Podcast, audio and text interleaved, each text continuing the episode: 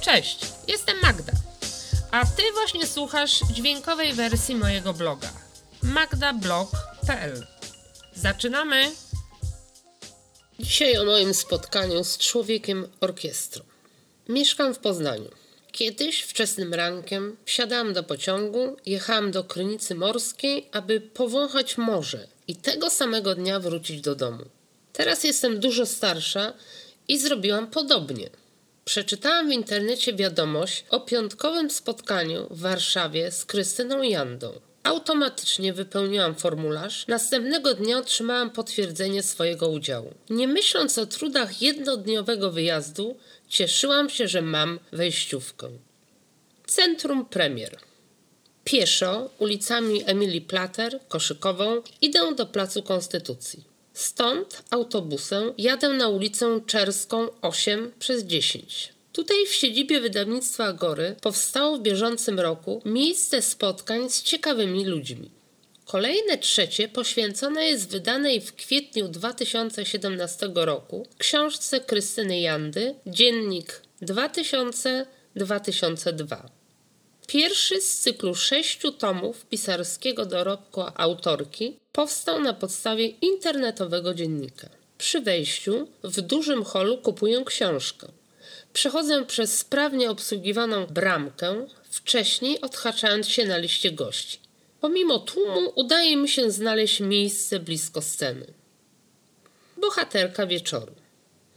Dziennikarze Michał Nogaś wraz z Ewą Wieczorek po krótkim przedstawieniu aktorki, reżyserki, dyrektorki teatru, prozaiczki, blogerki, prezesa zarządu Fundacji Krystyny Jandy w jednej osobie. Punktualnie rozpoczynają spotkanie. Rusza internetowa transmisja na żywo. Wysyłam SMS-a córce i dzięki temu ona również uczestniczy w wydarzeniu.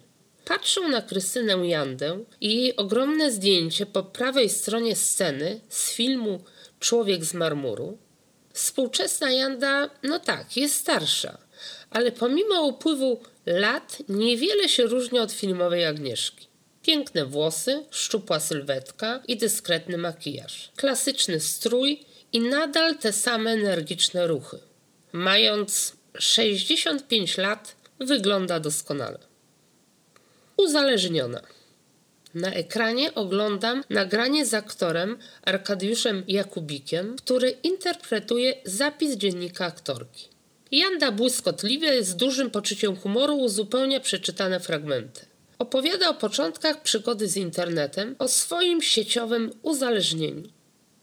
Kiedy zaczynała był rok 2000. Pięć lat wcześniej powstał pierwszy portal internetowy Wirtualna Polska. Młodzi odkrywali nowinki technologiczne, z właściwą dla wieku pasją. Dojrzali nieufnie przyglądali się zmianom. Niektórzy w ucieczce przed rozpoczynającą się komputeryzacją przeszli na wcześniejsze emerytury. Pomimo upływu czasu nadal boją się internetu. Wiele moich rówieśników ze strachu, niewiedzy nie korzysta z bankowości internetowej i nie ma konta na Facebooku. Dlatego tak bardzo zachwyciła mnie opowieść Krystyny Jandy o nocnej nauce obsługi komputera. Ile trzeba mieć fantazji i młodzieńczego polotu, aby nocami, słuchając przez telefon wskazówek siostry, klikać i odkrywać nowe? Drążyć temat, próbować i nie poddawać się po pierwszych błędach? Dziennik internetowy Krystyny Jandy czytam z przyjemnością od zawsze prosta, minimalistyczna forma graficzna ułatwia skupienie nad treścią. Aktualność poruszanych tematów, przystępna forma przekazu, lekki język dają wrażenie prawdziwej rozmowy z aktorką. Uciekający czas niczego nie zmienił. Nadal inspiruje kolejne pokolenia młodzieńczą ciekawością świata i radością odkrywania nieznanego. Potwierdza to obecność trzech pokoleń w sieci i na spotkaniu z aktorką. Natalia jest w wieku mojej córki. Ma 25 lat. Kocha teatr. Z wykształcenia jest kulturoznawcą, dziennikarzem i aktorką.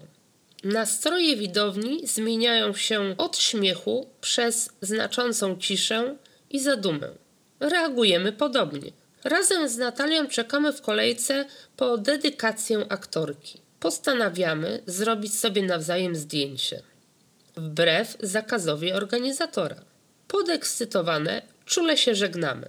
Okazuje się, że dwa z dziesięciu pytań publiczności, które losowano, napisała Natalia.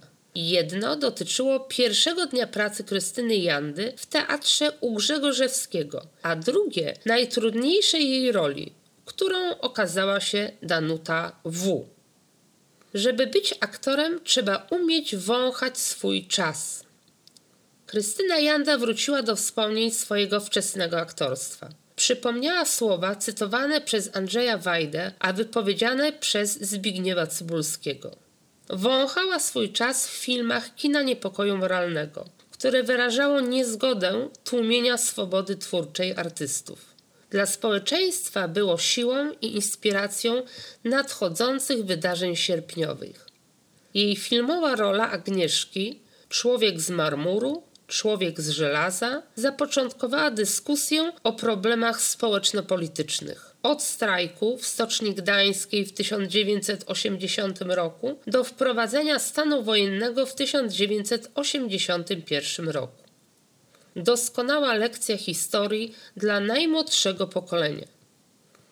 Widownia umilkła, kiedy aktorka powiedziała – Nigdy na scenie nie wypowiedziałam zdania niezgodnego z moją opinią. Brakuje nam autorytetów, punktów odniesienia, ludzi, którzy mówią i robią to samo, a ich działania są przewidywalne. Wokół takich ludzi czujemy się bezpieczniejsi, nawet wtedy, gdy nie zawsze podzielamy ich poglądy w filmie, teatrze, działalności społeczno-politycznej, dzienniku internetowym znajdują dowody na to, że Krystyna Janda nadal skutecznie wącha swój czas. Jesteś mi jeszcze bliższa, pani Krystyno, ponieważ zaciekawiła mnie działalność charytatywna Fundacji na Rzecz Kultury Krystyny Jandy pomoc domom dziecka, domom spokojnej starości i uniwersytetom trzeciego wieku. Promocja młodych artystów. Imponują mi ludzie, którzy wspierają innych. Dzielą się tym, co mają i są dobrym przykładem.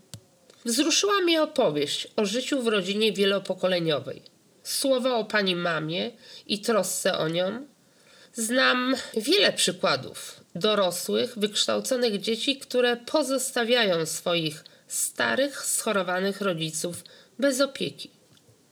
Mam rodzinny sentyment do atmosfery powstania warszawskiego, o którym, tak jak pani, opowiadał mi mój dziadek, uczestnik powstania. Na zakręcie.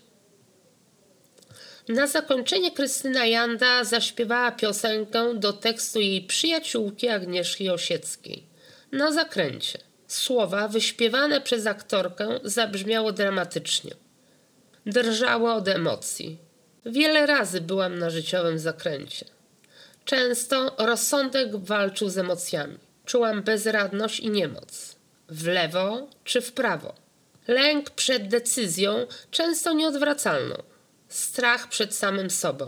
Całe życie poznaję i często zaskakuję samą siebie.